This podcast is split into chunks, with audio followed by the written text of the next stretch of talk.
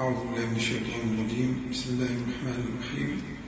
الحمد لله رب العالمين. اللهم صل على محمد النبي أزواجه أمهات المؤمنين وذريته وأهل بيته كما صليت على آل إبراهيم في العالمين إنك حميد مجيد. أما بعد ففي المجلس السابق بدأنا الكلام عن معنى مهم جدا في السير إلى الله تعالى.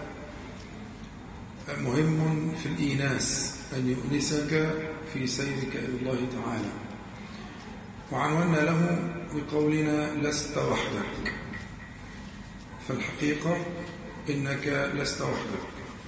وبقليل من التفكر وجدنا أنفسنا مصاحبين بما لا ننتبه إليه وما ينبغي أن ننتبه إليه. ووجدنا ذلك من أسباب الإعانة والدفع بنا إلى الله تبارك وتعالى. فأول شيء هي المعية العظمى معية الله تعالى. فالله تعالى معنا جميعا حتى مع البر والفاجر والمؤمن والكافر كما قال تعالى في أول سورة الحديد وهو معكم أينما كنتم. هذا للجميع. ثم هو بمعيته الخاصة. سبحانه وتعالى مع المتقين ومع المحسنين ومع أوليائه سبحانه وتعالى. فأولا استصحاب معية الله تبارك وتعالى. ثانيا أنت لست وحدك لما تحمله في بدنك. فأنت تحمل في بدنك آه تلك الجوارح التي هي ليست لك. هي ليست ملكا لك إنما تلك الجوارح هي عارية الجوارح عارية. آه تردها إلى مالكها سبحانه وتعالى. ومن الأدلة القطعية ما جاء في سورة النور وما جاء في سورة فصلت أنه ربما نسأل الله تعالى أن يكون ذلك لنا ولأحبابنا ربما يختصم المرء مع جوارحه. ربما يختصم المرء يوم الحق يوم القيامة مع جوارحه يوم تشهد عليهم ألسنتهم وأيديهم وأرجلهم. تشهد عليهم. في سورة النور وكذلك نفس المعنى في سورة فصلة في سورة فصلة. فالشاهد أن ال ال ال هذه الجوارح وهذه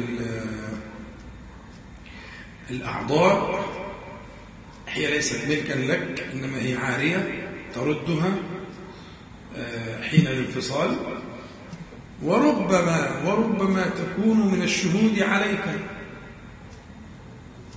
ولعلها أن تكون من الشهود لك فتشهد لك عند الله تبارك وتعالى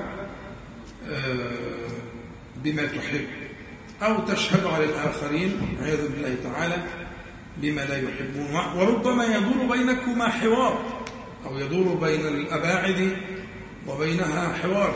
وقالوا لجلودهم لما شهدتم علينا؟ لما شهدتم علينا؟ لجلودهم. يعني إذن فهي يعني التعامل مع هذا البدن ينبغي أن يكون بحذر. ربما تختصمون تختلفون. وبعدين ستفترقون حتما ستفترقون. يعني إن الله تعالى سينشئ إنشاء جديدا لأهل الجنة والعياذ بالله ينشئ إنشاء جديدا لأهل النار فهو إنشاء جديد. إنا أنشأناهن إنشاء يعني إنشاء جديدا على نحو جديد بدليل أنهم يأكلون ويشربون ولا يبولون ولا يتغوطون. إذا في طبيعة مختلفة وتركيب مختلف. فحتى الجوارح دي لو الإنسان يتعامل معاها بالتعامل اللائق هيفهم الحكاية. يتعامل معاها بالتعامل اللائق اللي أرشدنا إليه الشارع الحكيم سبحانه وتعالى. ثم عندك, عندك نفس ليست سوية. قد حملت نفسا فاجرة مع نفس صالحة. الله تعالى يقول فألهمها فجورها وتقواها. وهذا الفاجر موجود. محل ابتلاء. اختبار. هذا معك. والصالح والتقي كذلك معك. ثم يجري من دمك الشيطان. يجري مجرى الدم من ابن آدم. يوسوس يخنس. كما بينا من قبله. تراجع اختفي ثم يظهر. اختفي ثم يظهر. وذلك الأمر في الحياة كلها. أنت لست وحدك معك الملائكة الكرام. آه، إن لله ملائكة سيارين يعني في الليل والنهار يبحثون عن حلق الذكر. فإذا ما وجدوا حلقة من حلق الذكر قالوا هلموا إلى بغيتكم إعلان في الملأ الأعلى قد وجدنا ما نبحث عنه. فتتراكم وتتجمع الملائكة فلعلها الآن تتجمع في هذا المكان المبارك؟ وجدوا مجلسا يذكر الله تعالى. يعني ما اجتمع هؤلاء الناس كما ترى الملائكة. ما اجتمعوا إلا لذكر الله. لا لدنيا لا لمصالح من المصالح العاجلة الفانية. إنما اجتمعوا ليذكروا الله تعالى. ويصلون على النبي صلى الله عليه وسلم. فإذا ما وجدت الملائكة ذلك اجتمعت. تراكمت حتى تبلغ السماء الدنيا. يعني تملأ ما بين الأرض إلى السماء الدنيا من كثرتها. ويسألهم ربهم في اجتماعهم ويجيبون ربهم سبحانه وتعالى. فيقول في آخر الحوار الجميل أشهدكم أني قد غفرت له بشهادة الملائكة عشان تشهد الملائكة. أني قد غفرت له تقول إن فيهم عبدك فلانا. إنما جاء لحاجة. يعني هم المجموعة جاءت لذكر الله تعالى. بس ربما جه واحد لقضاء مصلحة من مصالح الدنيا المصالح الفانية. فيهم عبدك فلانا جاء لحاجة. قال هم القوم لا يشقى بهم جليسهم. يعني كرامة كرامة لهذا الجمع عند الله تعالى. فالملائكة معك بالليل والنهار آه، تفرح لإيمانك ولعملك الصالح. وتحفظك إذا قرأت آية الكرسي. آه، حينما تنام يكون على رأسك ملك. للحراسة طول الليل. الحديث الشهير بتاع حديث أبي هريرة لما كان على الصدقة الحديث رواه الإمام البخاري. والشيطان عشان يفلت منه في آخر مرة آه، قال له أن يقرأ آية الكرسي قبل أن ينام. فلا يزال لك من الله حافظ. ملك حافظ قائم على رأسك. لا يقربك شيطان. يبقى ليلة سعيدة. من آية الكرسي ملك يحبك. من بات طاهرا بات في شعاره ملك. الشعار اللي هو أقرب شيء يعني اللي هو الهدوم الداخلية يعني اللي هو مناسق للإنسان. وفي رواية صحيحة بات في شعار ملك. يعني من شدة القرب بقى يعني هو ده الأقرب لده ولا ده لكن من بات طاهرا. يعني قبل ما يدخل في الفراش توضأ. من بات طاهرا. بات في شعاره ملك. بات في شعار ملائكة تحبكم جدا. تدفع عنكم وتبحث عنكم عن الذاكرين عن المؤمنين عن الموحدين. ها؟ فأنت لست وحدك. وذكرنا كمان فيما ذكرنا الجماد الشجر والحجر والمطر. الحاجات دي الحاجات دي. الحاجات دي كلها تذكر الله تعالى لا تفتر تذكره سبحانه وتعالى تسبحه بالليل والنهار. وتحب المؤمنين وتشهد لهم.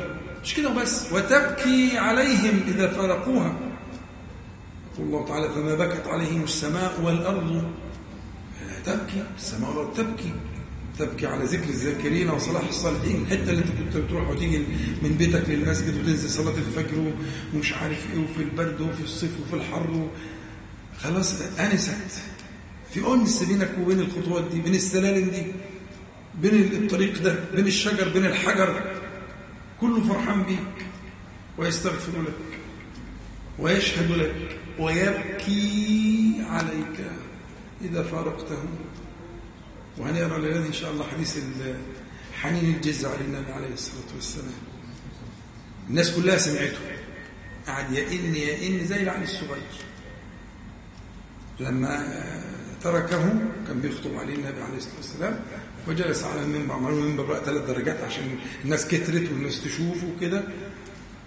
فأول مرة يطلع المنبر ده حن أن زي العيال الصغير والكل سمعه. وما سكنش إلا لما النبي صلى الله عليه وسلم نزل من على المنبر وطيبهم. وضع هذا الشريف عليه. هذا أمر لابد أن تستحضره.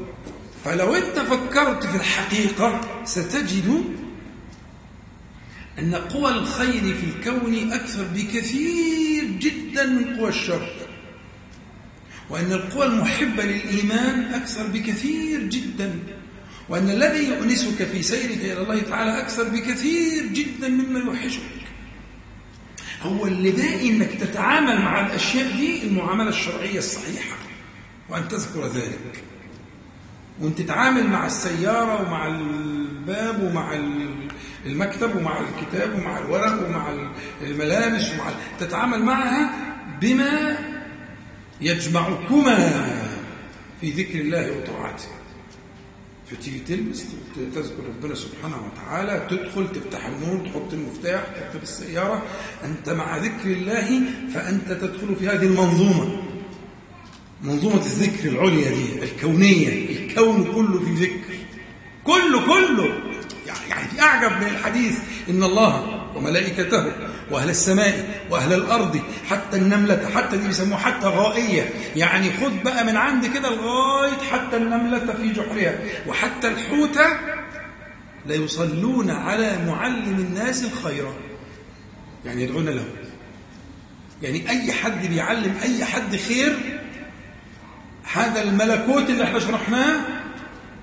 وفوق ذلك الله جل جلاله ها والملائكة والكون كله والحيتان والبحار والمحيطات والنمل النمل. النمل النمل على فكرة أكبر كائن حي عددا على وجه الأرض. من جهة العدد. أكبر كائن حي من جهة العدد. فضرب المثل بالنمل النبي عليه الصلاة والسلام مش أي كلام كده. لا أكبر عدد. ده إحصاء علمي يعني في البيولوجي. أكبر عدد كائن حي يدرك اللي هي مش المايكرو الحاجات الكبيرة على وجه الأرض هو النمل فحتى النملة في جحرها وحتى الحوت لا يصلون على معلم الناس الخير. يعني الحقيقة أن الإنسان إذا استحضر هذه الأشياء أنسى أنسى لا يكون وحيدا. يأنس في سيره إلى الله تعالى. الكون كله معاك. والكون كله فرحان بيك. و و و و ويبكي عليك إذا فارقت الدنيا لما كنت فيه من ذكر وعمل صالح. فلا بد من التفاعل مع هذه الأشياء. وبدأنا بموضوع الإيه؟ الجن. طبعا الجن إذا ذكرناه نذكره لا للتخويف ولكن لحسن التعامل لأن ممكن الإنسان إذا أحسن التعامل زي ما إن شاء الله نوضح بالتفصيل مع الجن يكون عاملا إيجابيا جدا لأن الجن كما سنرى ونفصل إن شاء الله أقوام كالناس سواء بسواء منهم الصالحون ومنهم دون ذلك. منهم الأتقياء ومنهم العباد والزهاد ومنهم الفاسدين ومنهم الناس الشمال والناس اليمين وكل حاجة. زينا بالظبط فيهم في نفس اللي إحنا فيه عالم كعالمنا ولذلك هم مكلفون. كما نحن كذلك. فالفكرة إن إنما ندرس ذلك لنحسن التعامل معهم ونغلق أبواب الجهالة والخوف والأشياء اللي ملاش أي معنى آه، فيما ذكرنا. بدأنا بداية يعني أولية وإن شاء الله نستكمل. وقلت لكم إن هذا الكتاب كتاب قيم جدا. وأي كتاب تجد عليه اسم الدكتور عمر سليمان الأشقر عليه رحمة الله. فهو كتاب آه، مصنف تصنيفا جيدا جدا لأنه كان ماهرا جدا عليه رحمة الله في التصنيف.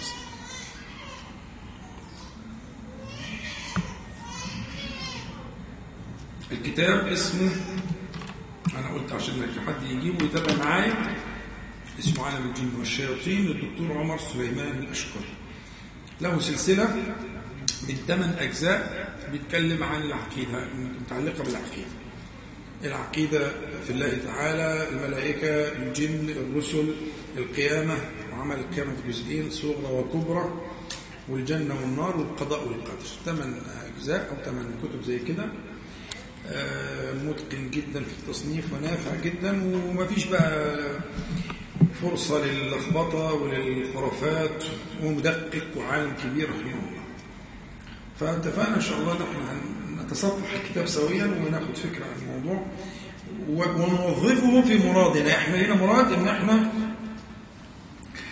آه، نذكر دائما أننا لسنا وحدنا في هذا الكون. وأن قوى الشر وقوى الفسوق والعدوان هي الأقل في هذا الكون. آخر ما قرأناه تكلمنا عن مساكن الجن ومجالسهم لآخر ما قرأناه.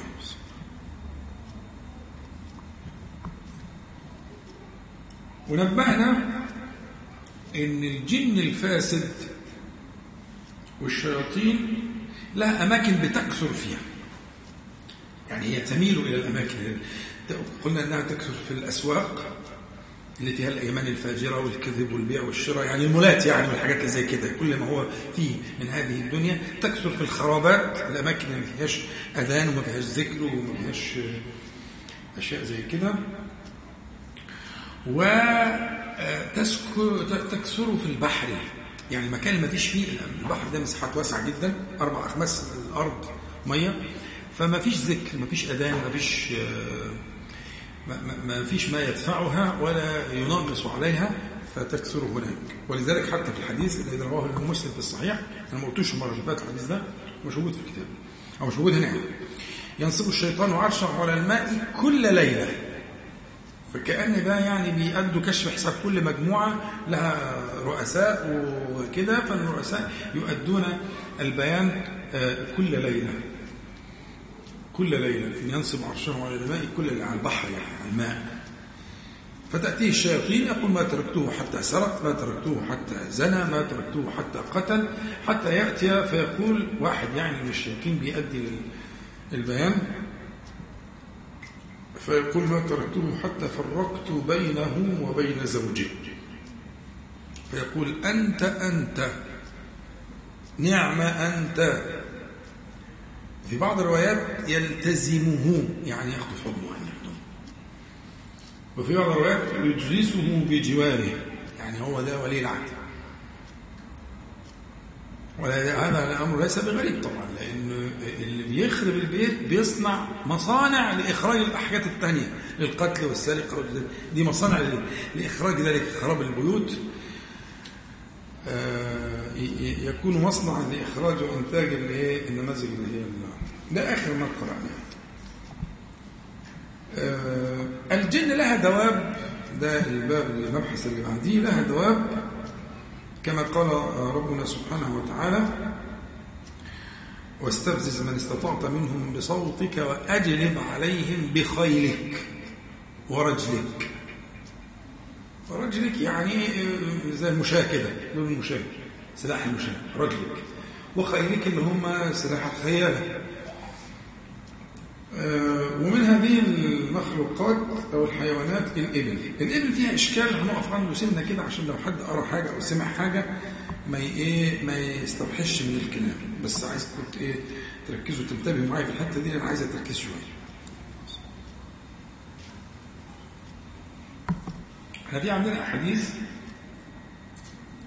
آه، منها آه، قول النبي صلى الله عليه وسلم صلوا في مرابض الغنم ولا تصلوا في أعطان الإبل فإنها خلقت من الشياطين.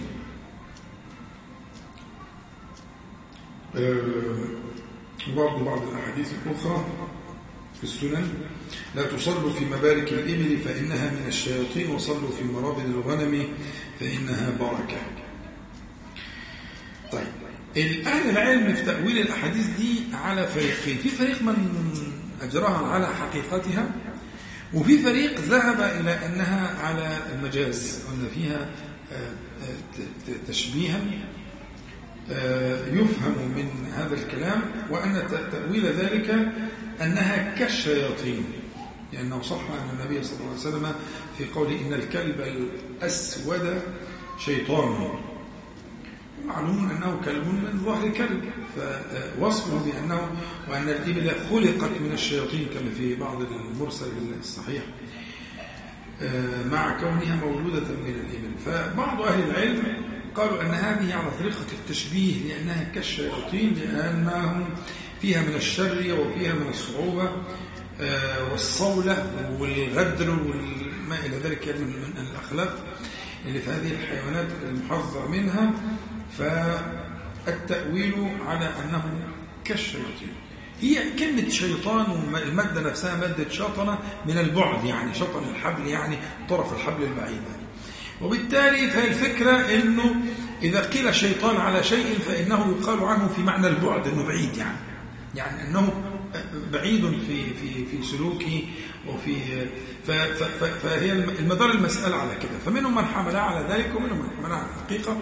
وأنا مع الفريق الثاني الذي يحملها على التشبيه وأنها على المجاز وهذا أمر قريب جدا.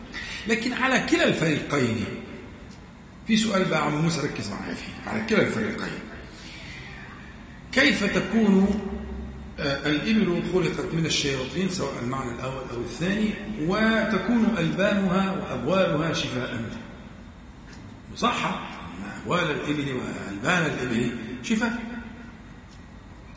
فكيف تكون على معنى أنها شياطين أو من الشياطين؟ ونؤمر بالتداوي بألبانها وأبوالها عشان الناس مش تزعل من الكلام ده.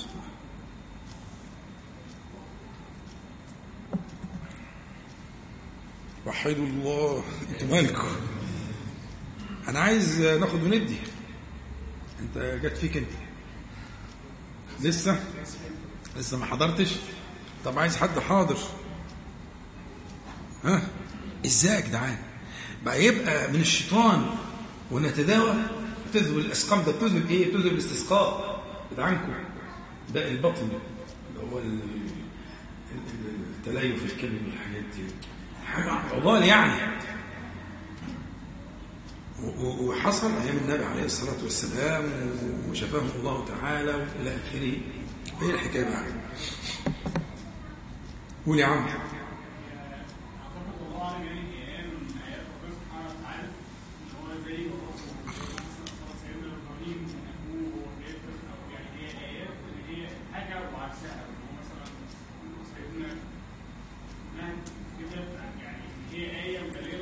آية طيب مذهب مذهب كويس.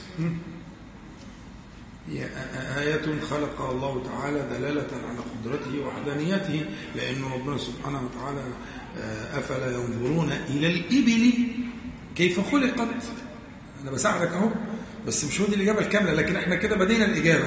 أن الله تعالى جعل في الإبل آية من نص القرآن. أفلا ينظرون إلى الإبل كيف خلقت. صح؟ كويس. لكن إزاي تبقى دي دواء. هم مش بيطلعوا دواء من سموم الأفاعي. ولا إيه؟ ده من من أغلى الأدوية وأندرها وأكثرها نفعا ومن السموم الناقعات دواء فكون إن ربنا سبحانه وتعالى يجعل شيئا من ذلك فيه شفاء فهو كما آه، قيل إنما دال على قدرته سبحانه وتعالى بمقادير وأشياء معينة فربنا سبحانه وتعالى جعل شفاء في, في, في السموم في, في سم العسل وفي نحل العسل يعني. وكذلك في الأفاعي على ما سيأتي أن الأفاعي كذلك من الشياطين أو بعض الأفاعي من الشياطين. فالأمر قريب إن شاء الله.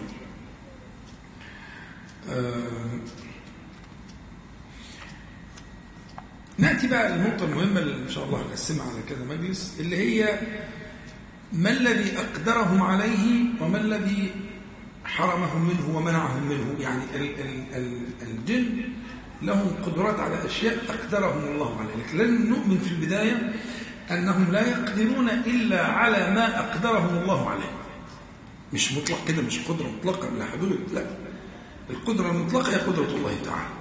لكن قدراتهم إنما هي آه، آه، فيما أقدرهم الله عليه. لكن عشان برضو تنتبه إن دي أشياء لا يقدرون عليها مع ضعفها ويقدر عليها الطفل الصغير. سترون إن شاء الله تعالى. فإحنا هندرس على على قاعدة أنك أنت تحسن التعامل معهم. فمما أقدرهم الله عليه سرعة الحركة. مشهور طبعا كما في قصة آه، في سورة النمل قال عفريت من الجن أنا أتيك به قبل أن تقوم من مقامك. وإني عليه لقول أمين. قال الذي عنده علم من الكتاب أنا أتيك به قبل أن يرتد إليك طرفك. فهنا نقل نقل العرش آه، بلقيس من اليمن إلى الشام في هذه المدة اليسيرة القصيرة. إنما ذلك من مما أقدره الله عز وجل عليه. كذلك ربما إنهم آه، آه، يعني يسترقون السمع ويرون أشياء أثبتها الله تبارك وتعالى في القرآن الكريم. معنا حديث مهم جدا في صحيح الإمام البخاري. آه، يقول النبي صلى الله عليه وسلم إذا قضى الله الأمر في السماء ضربت الملائكة بأجنحتها خضعانا لقوله لقول الله تعالى. وإحنا هنا عايزين نقول إن ربنا سبحانه وتعالى كما وصف نفسه في سورة الرحمن كل يوم هو في شأن. أنا شرحتها قبل كده. حد فاكر يعني إيه كل يوم هو في شأن؟ في سورة الرحمن. كل يوم هو في شأن. أيوة أحسن. آه. يرفع أقواما ويضع آخرين يعز أقواما ويذل آخرين يقبضه ويبسطه سبحانه وتعالى. فهذا أمره هذا شأنه جل جلاله في آه، كل يوم وكل حين. فإذا قضى الله الأمر في السماء ضربت الملائكة بأجنحتها خضعانا لقوله كأنه سلسلة على صفوان. الصفوان اللي هو الحجر الأملس. وصوت السلسلة الحديد لما تتجرجر على على على رخام أو حجر أملس صوت مميز. فهذا كأنه كان يصف النبي صلى الله عليه وسلم هذا الصوت يعني. هذا صوت الأجنحة إذا ما آه، آه، آه، استمعت إلى أمر الله تبارك وتعالى الذي قضاه. كأنه يعني كأن صوت كأن صوت ضرب أجنحة الملائكة كأنه سلسلة على صفوان فإذا فزع عن قلوبهم قالوا ماذا قال ربكم؟ قالوا للذي قال قال الحق وهو العلي الكبير. فيستمعها مسترق السمع. مسترق يعني الذين يسرقون استرق يعني اللي هم يعودوا يترصصون الجن من الشياطين. آه، ومسترق السمع هكذا بعضهم فوق بعض. فيسمع الكلمة فيلقيها إلى من تحته ثم يلقيها الآخر إلى من تحته حتى يلقيها على لسان الساحر أو الكاهن فربما أدركه الشهاب قبل أن يلقيها وربما ألقاها قبل أن يدركه فيكذب معها مئة كذبة. فيقال يعني يقول الجهلاء أليس قد قال لنا يوم كذا وكذا كذا وكذا؟ يعني سيحصل ويقع. فيصدق بتلك الكلمة التي سمع من السماء. معنى ده مهم في مسألة إيه؟ الكهان وال لأن النبي صلى الله عليه وسلم قال كذب المنجم المنجمون كذب المنجمون ولو صدقوا. يعني ولو صدقوا؟ يعني ولو خالط كلامهم بعض الصدق. فلا يصدقون حتى لو خلط كلامهم بعض الصدق. فإن هذا الكلام يكون من استراق سمع الجن حينما تلقت الخبر من الملائكة الكرام.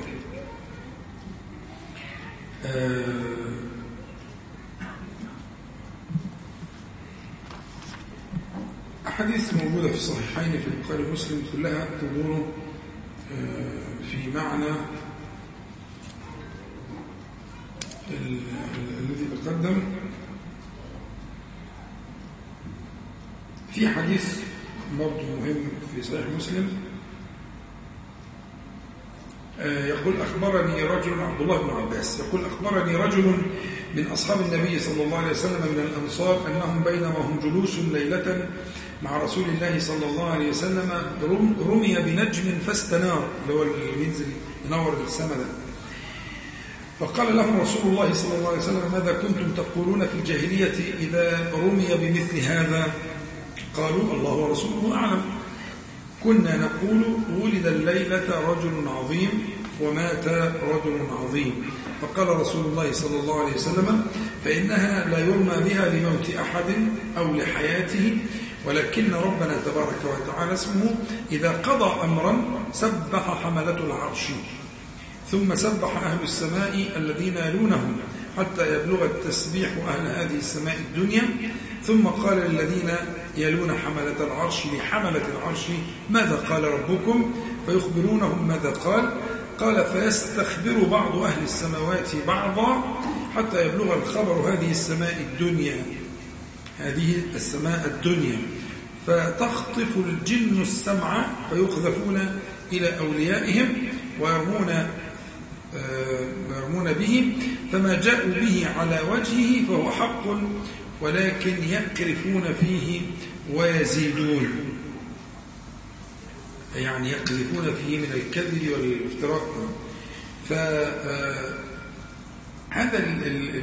الشهب التي يرمى بها هؤلاء الشياطين لما بعث النبي صلى الله عليه وسلم علموا ببعثته لأن السماء تحول تشتدت الحراسة فيها وقويت الحراسة ببركة الوحي المبارك الذي أنزل على النبي صلى الله عليه وسلم.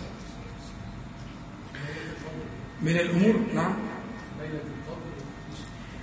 آه. تصفد الشياطين في رمضان يعني المردة فلا تصل إلى ما كانت تصل إليه. موجودة بس لا التقييد هنا يعني أنها لا تصل إلى ما كانت تصل إليه في غير رمضان. ويكون أشد ذلك في ليلة القدر.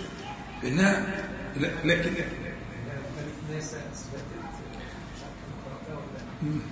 اثبتت دي مش موجوده في رمضان نعم. ده اثبات علمي آه ما ما طلبت ذلك. طيب آه من كذا من ذلك آه أنهم آه علمهم الله تعالى بالإعمار. والتصنيع كما قال الله تعالى عن نبيه سليمان عليه السلام ومن الجن من يعمل بين يديه بإذن ربه ومن يزغ منهم عن أمرنا نذقه من عذاب أليم يعني عذاب السعير. يعملون له ما يشاء من محاريب وتماثيل وجفان كالجواب وقدور الراسيات. الأشياء المذكورة دي أشياء عايزة صنع عايزة حرفة وإنهم كانوا يصنعون ذلك لسليمان لأن الله تعالى سخرهم لسليمان ووهبه ملكا لا ينبغي لأحد من بعده.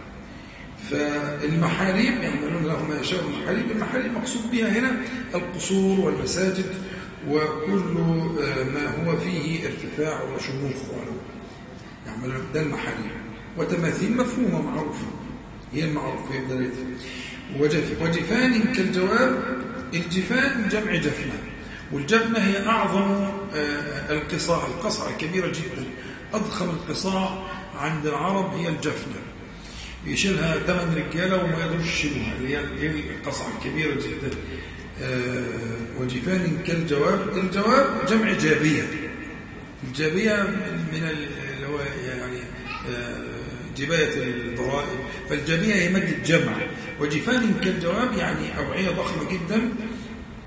قدور عظيمة جدا آه حياض عظيمة يجبى فيها الماء للابل فكانت تصنعها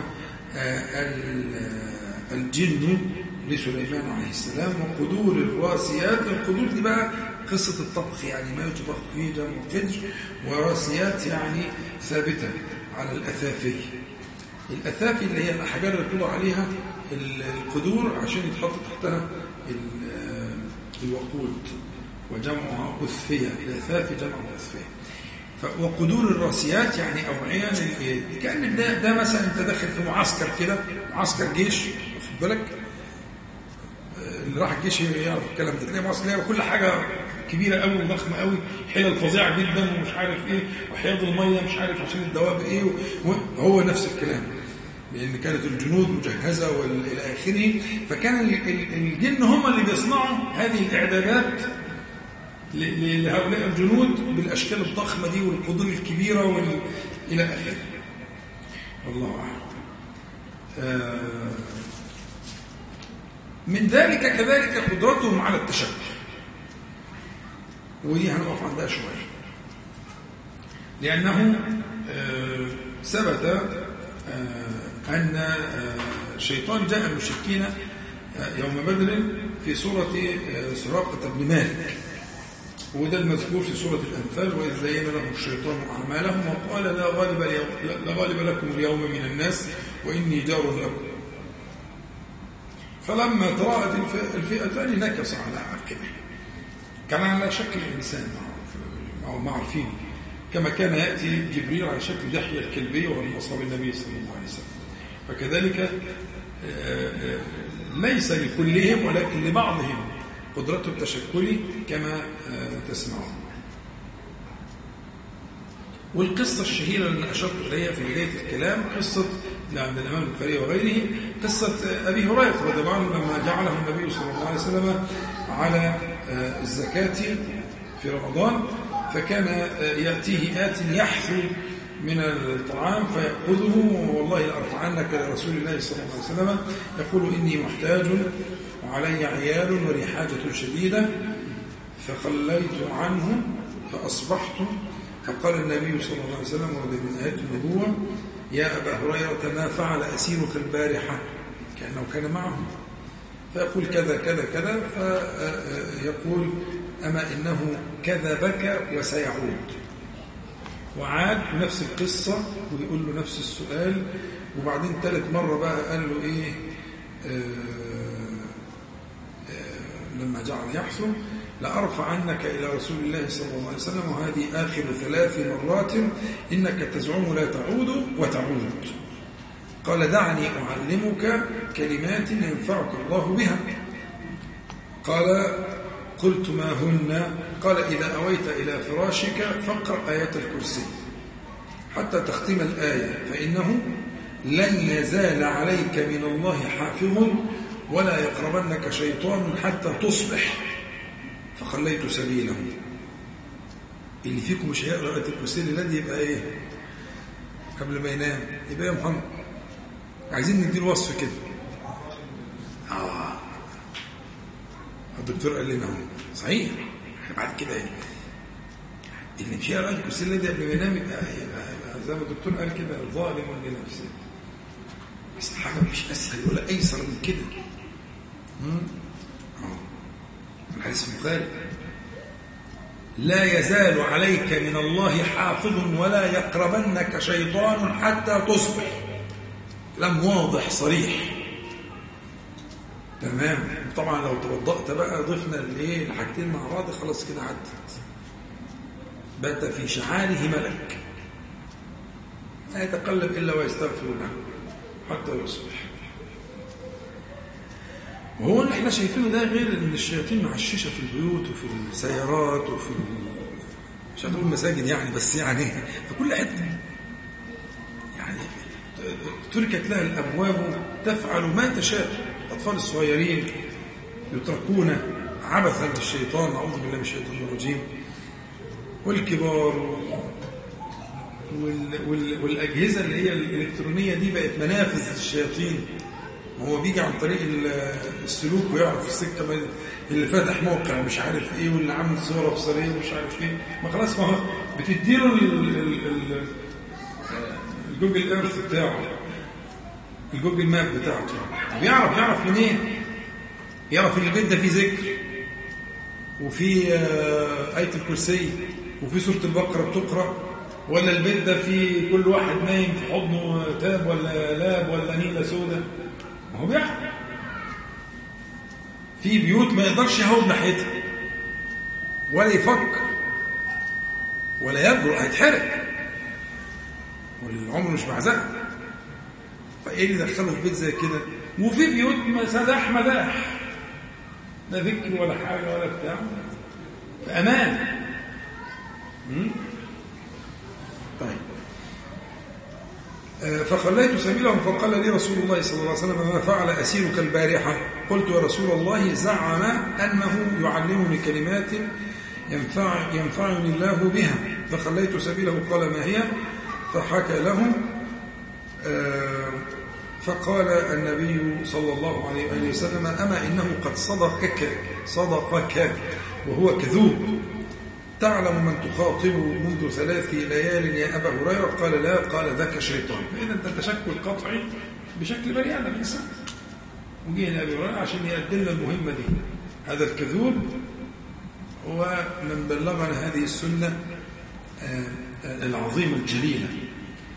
فقد يتشكل في صورة إنسان كما سمعنا وقد يتشكل في صورة حيوان كالجمل أو الحمار أو البقر أو الكلب أو القط. ثبت ذلك في أحاديث كثيرة مش هنقولها كلها لكن في النهاية قد يتشكل. الذي يسير في ذكر الله تعالى ويبدأ أحواله بذكر الله تبارك وتعالى ويختمها كذلك هو محفوظ بعيد عن كل هذه الأشياء سواء تشكلت أو لم تتشكل.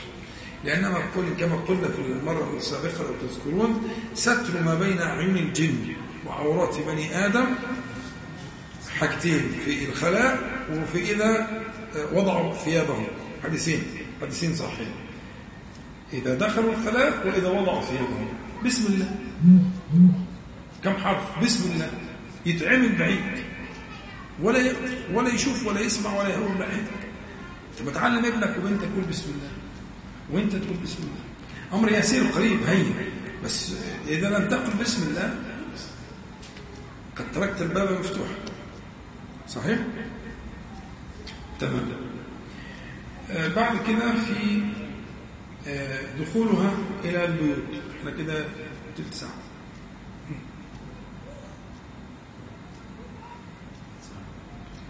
آه واحد معايا؟ اللي أنت عايزه. خمس زي طيب. آه مسألة دخول الجن أو الشياطين للبيوت. دي مسألة مهمة جدا. عايزين نتوقف عندها. إن شاء الله يمكن نخلصها الليلة حسب الوقت المتاح. لكن نبدأ فيها لأنها قد تتشكل في أشكال أشكال حيوانات وأعمال حيات وقد تأتي في صورة غير مرئية. المهم لا بد من الانتباه إلى ذلك. موضوع قد يطول موضوع عشان مش هيكفي الوقت اللي باقي لكن ممكن نذهب إلى مسألة أن الشيطان يجري من ابن آدم مجرى الدم من العروق دي مسألة عايزة بحث نتفكر فيها. في البخاري ومسلم من حديث أنس قال النبي صلى الله عليه وسلم إن الشيطان يجري من الإنسان مجرى الدم. وكذلك في الصحيحين عن صفية زوج النبي صلى الله عليه وسلم كان رسول الله صلى الله عليه وسلم معتكفا فأتيته أزوره ليلا فحدثته ثم قمت فانقلبت فقام معي ليقلبني يعني يردني إلى بيتي. وكان مسكنها في دار أسامة بن زيد. مش كل أمات المؤمنين كان بيوتهم أو حجراتهم كانت في حول المسجد. مش كلهم. فمر رجلان من الأنصار فلما رأيا النبي صلى الله عليه وسلم أسرع فقال النبي صلى الله عليه وسلم أسرع الخطى يعني. فقال النبي صلى الله عليه وسلم على رسلكما إنها صفية إنها صفية بنت حيي. فقال سبحان الله يا رسول الله. قال إن الشيطان يجري من الإنسان مجرى الدم وإني خشيت أن يقذف في قلوبكما سوءا أو قال شيئا. ولو قذف الشيطان في قلبيهما سوءا تجاه النبي صلى الله عليه وسلم فإنهما عرضة للهلاك. يعني من أساء الظن بالنبي صلى الله عليه وسلم من المؤمنين فهو على باب الهلاك على باب جهنم. فهو شفقة النبي عليه الصلاة والسلام علشان سد الذريعة يقفل الباب على الشيطان عشان ما إيه ها؟ ولو حتى خيال كده ولا فكرة كده ولا فمن رحمته صلى الله عليه وسلم بالمؤمنين من كمال رحمته أنه أغلق الطريق. أغلق الطريق. فإني خشيت أن يقذف أن يقذف في قلوبكما شيئا. أو قال سوء صلى الله عليه وسلم. فبالتالي بالقطع إنه كما صح في الصحيحين إن الشيطان يجري من ابن آدم أو من الإنسان مجرى الدم. لماذا يجري مجرى الدم؟ لأنه محل ابتلاء هذا الابتلاء الذي يعني ابتلى الله عز وجل به آه، الإنسان. آه، ووعده بالمعونة والتثبيت والهداية والنصرة. ووصف كيد الشيطان بقوله إن كيد الشيطان كان ضعيفا. فما عليك إلا أن تمد يدك إلى الله تعالى وأن تستعين به فيدفع سبحانه وتعالى عنك. لكن هو قريب نعم قريب. يجري منك مجرى الدم. نعم. لكن الذاكر الذاكرون لله تبارك وتعالى هم أبعد الناس عن كيده. فإنه يغتاظ ثم يغتاظ ويتمرغ في التراب. آه، إذا ما داوم المرء على ذكر الله تعالى ولا يجد حيلة ولا سبيلا إلى الإنسان. وبالتالي آه، إنما كما سألنا السؤال في المرة السابقة وقلنا لماذا ما حكمة الله تعالى في أن يجعله يراك ولا تراه؟ ما الحكمة؟ أن يجعلك لا تراه وهو يراك. يراك الشيطان ولا تراه. أقول وأكرر قلت المرة اللي فاتت هو تمحيض للربانية تمحيض للعبودية تمحيض للألوهية. لأن, لأن, لك لأن لك عدوا لا تراه. ولا يعيذك منه, منه إلا ذكر الله. لك عدو لا تراه. ولا يعيذك ولا يحفظك منه إلا ذكر الله. فتلزم ذكر الله. اللي بيستحضر المعنى ده لا يجد سبيلا لدفع الشيطان إلا أن يلزم ذكر الله تعالى. وكلما اشتدت الحاجة كلما اشتدت الحاجة لذكر الله تعالى. يعني في الغضب ذكر الله تعالى أمس أنت أمس حاجة في غضبك أن تذكر الله تعالى. ليردك ذكر الله تعالى. إن ده مجال للشيطان ومجال عمل كبير للإفساد. فكلما ذكرت الله تبارك وتعالى كلما كنت في حصن فإذا عدو لا تراه غايته تمحيض ألوهيتك. لله تبارك وتعالى. عبوديتك أن تكون عبدا محضا لأنه عدو لا تراه ولا يعيذك منه إلا ذكر الله سبحانه وتعالى. هكذا هو الحال. فإذا ما تحققت بذلك فقد انتفعت بهذه الحكمة البالغة. نسأل الله تعالى أن ينفعنا بما قلنا وسمعنا. اللهم صل على محمد وانزل محمد من القيامة تاخدوا راحة كده ونشوف هنعمل إن شاء الله. تفضلوا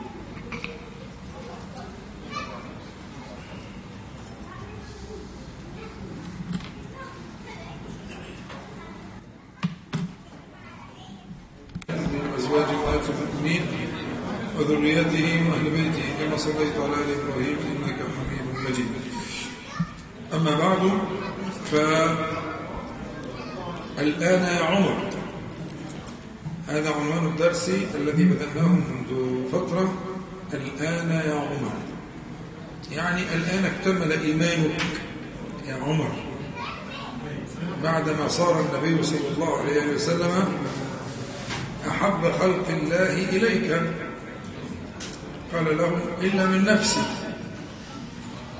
لكنه لما بلغه بأنوار النبوة صار أحب إليه من نفسه صلى الله عليه وسلم تسليما كثيرا. فنحن نقرأ في آه، دلائل النبوة التي تحقق إيمان المؤمنين. ومن ذلك ما رواه الإمام البخاري رضي الله عنه عن جابر رضي الله عنه جابر بن عبد الله رضي الله عنهما أن امرأة من الأنصار قالت لرسول الله صلى الله عليه وسلم يا رسول الله ألا أجعل لك شيئا تقعد عليه؟ فإن لي غلاما نجارا قال إن شئت. فعملت أو فعملت له المنبر. فلما كان يوم الجمعة قعد النبي صلى الله عليه وسلم على المنبر الذي صنعه يعني الغلام النجار. فصاحت النخلة التي كان يخطب عندها حتى كادت أن تنشق. فنزل النبي صلى الله عليه وسلم حتى أخذها فضمها إليه. فجعلت تئن أنين الصبي الذي يسكت حتى استقر وفي البخاري كذلك فسمعنا لذلك الجزع صوتا.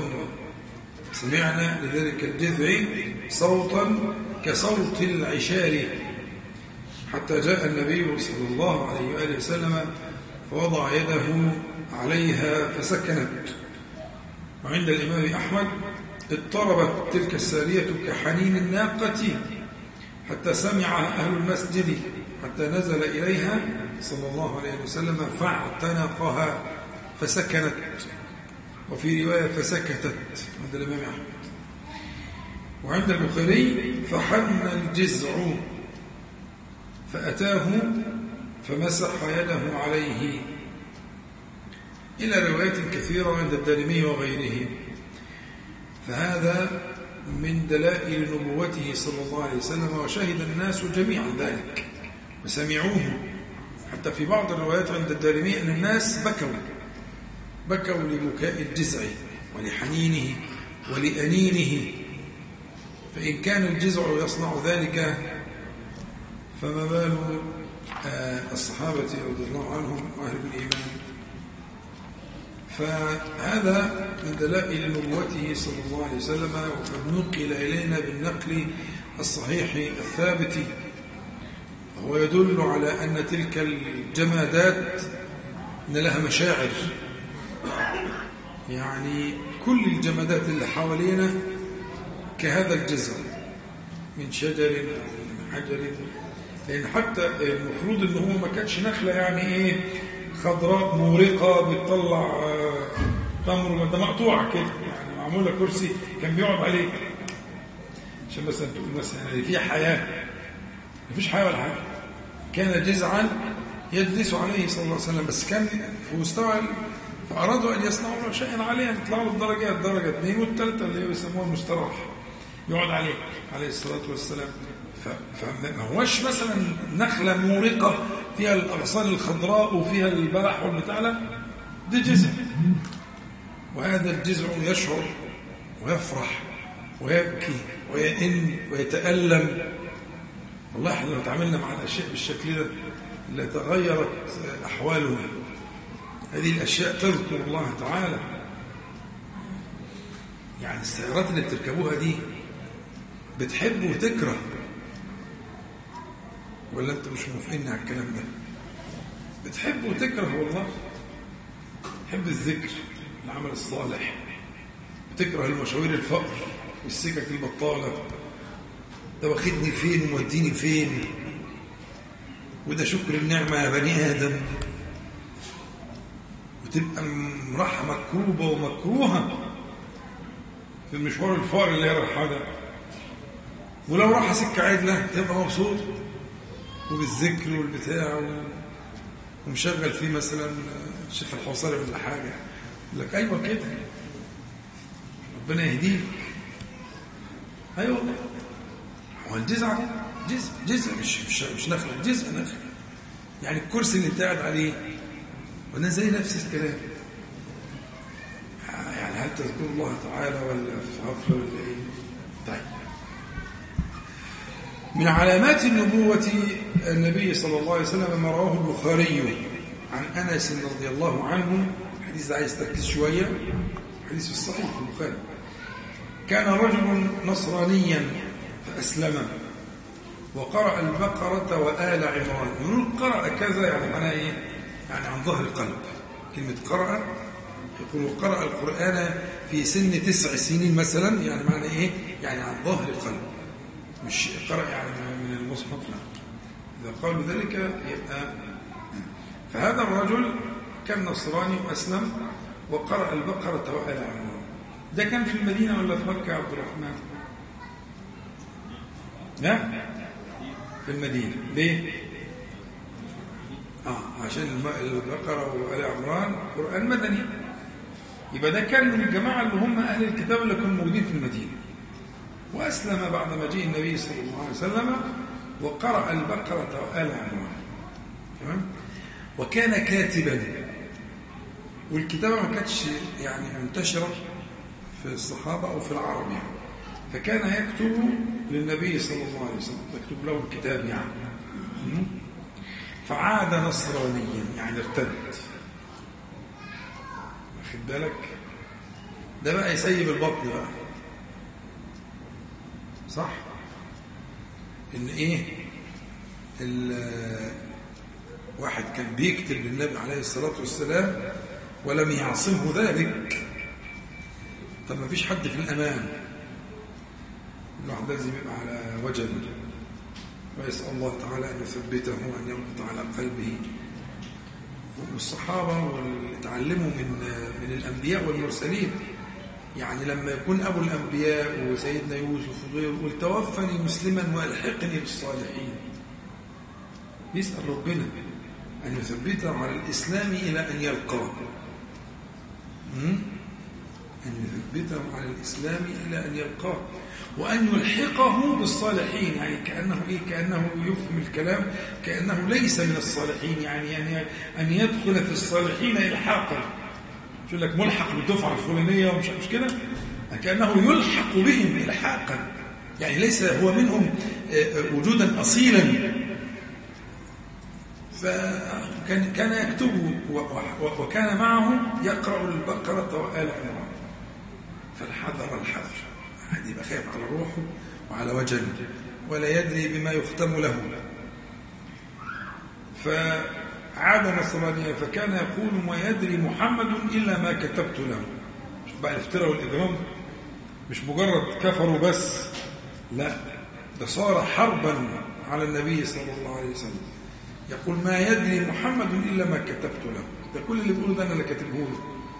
لا وحي ولا غيره. حديث البخاري. لا يدري محمد إلا ما كتبت له فأماته الله. فدفنوه فأصبح وقد لفظته الأرض. مش يستمنون الأرض؟ بتحب وتكره هيك مظبوط؟ الأرض تربه من من المرار اللي فيه من البغض اللي فيه. تعبت نفسك هندسة ربنا يحفظك حبيبي.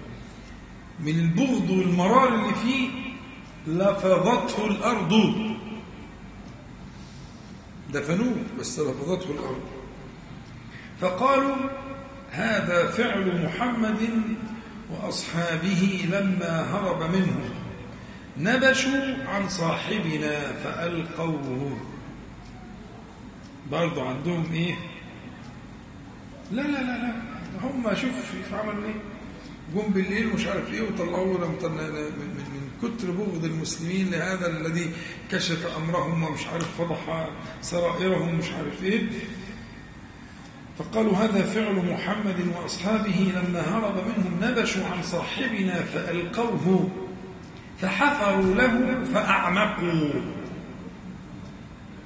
عملوا له بقى إيه؟ بير. فأصبح وقد لفظته الأرض.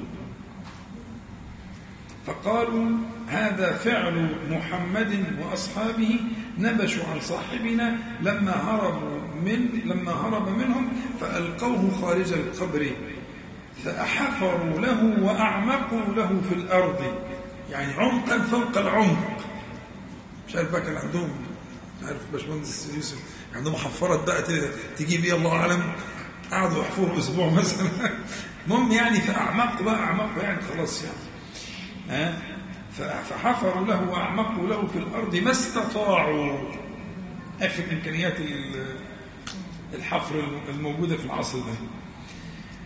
واعمقوا له في الأرض ما استطاعوا. فأصبح وقد لفظته الأرض.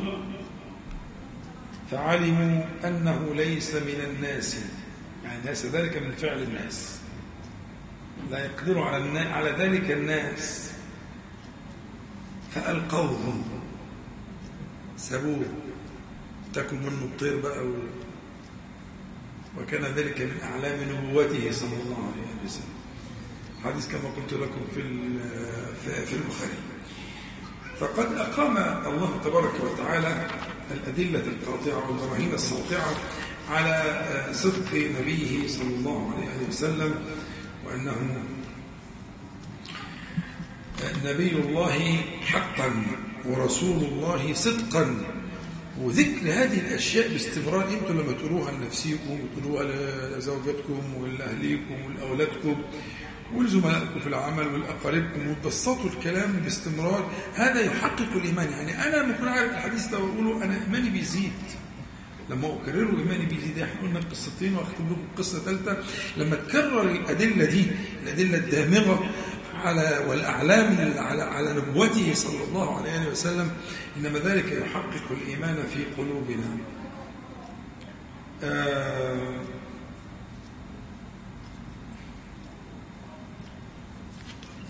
الحديث الذي رواه الإمام مسلم في الصحيح أن يهودية أتت النبي صلى الله عليه وسلم بشاة مسمومة. فأكل منها فقيل ألا نقتلها؟ قال لا. فما زلت أعرفها في لهوات رسول الله صلى الله عليه وسلم يعني أثر المضغة اللي مضغها لأنها لما مضغ منها صلى الله عليه وسلم نطقت الشاة كما في الرواية الأخرى التي عند البخاري آه، وأخبرت النبي صلى الله عليه وسلم أنها مسمومة. قالت لا تأكلني فإنني مسمومة.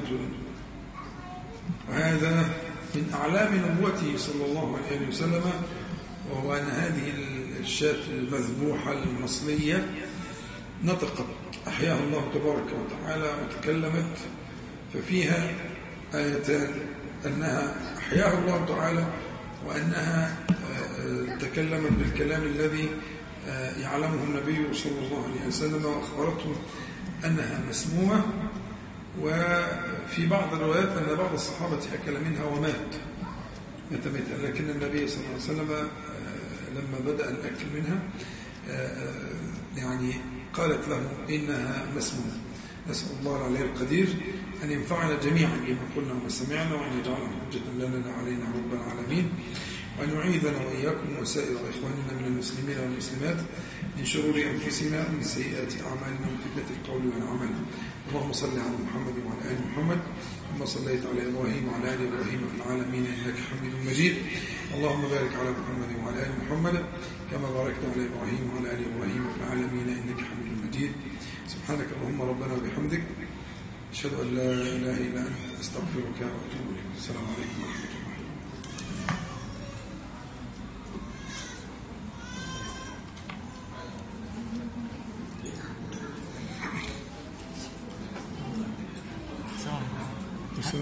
بتقول المفروض نتعامل مع الأشياء بهذا المنطق يعني نعمل إيه؟ أنت لما تذكر الأشياء دي تحب الذكرى وتفرح وتبكي هتعمل إيه؟ آه يعني ندور على الذكرى. الله يوسع عليك أهلا أهلا أهلا. لا يعزك بس عليك يا رب. جزاك الله خير ربنا يحفظك كان عندي مشكله طبيه كده أنا تحت أمرك. عندي مشكلة في ودني لو دخل فيها مية بتتبهدل. آه طيب فهو دلوقتي حضرتك ساعة الغسل غسل الجنابة.